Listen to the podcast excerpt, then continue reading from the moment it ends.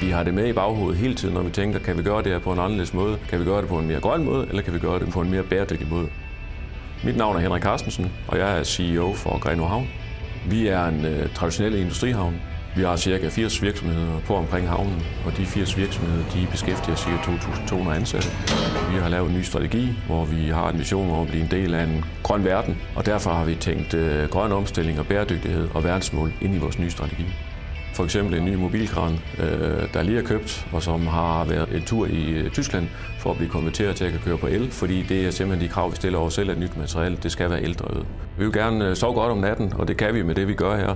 Men det er selvfølgelig også økonomi, og det er bæredygtig økonomi, og det er også det at kunne leve op til de krav, vores omverden stiller til os. Det er lige fra vores kunder til vores leverandører.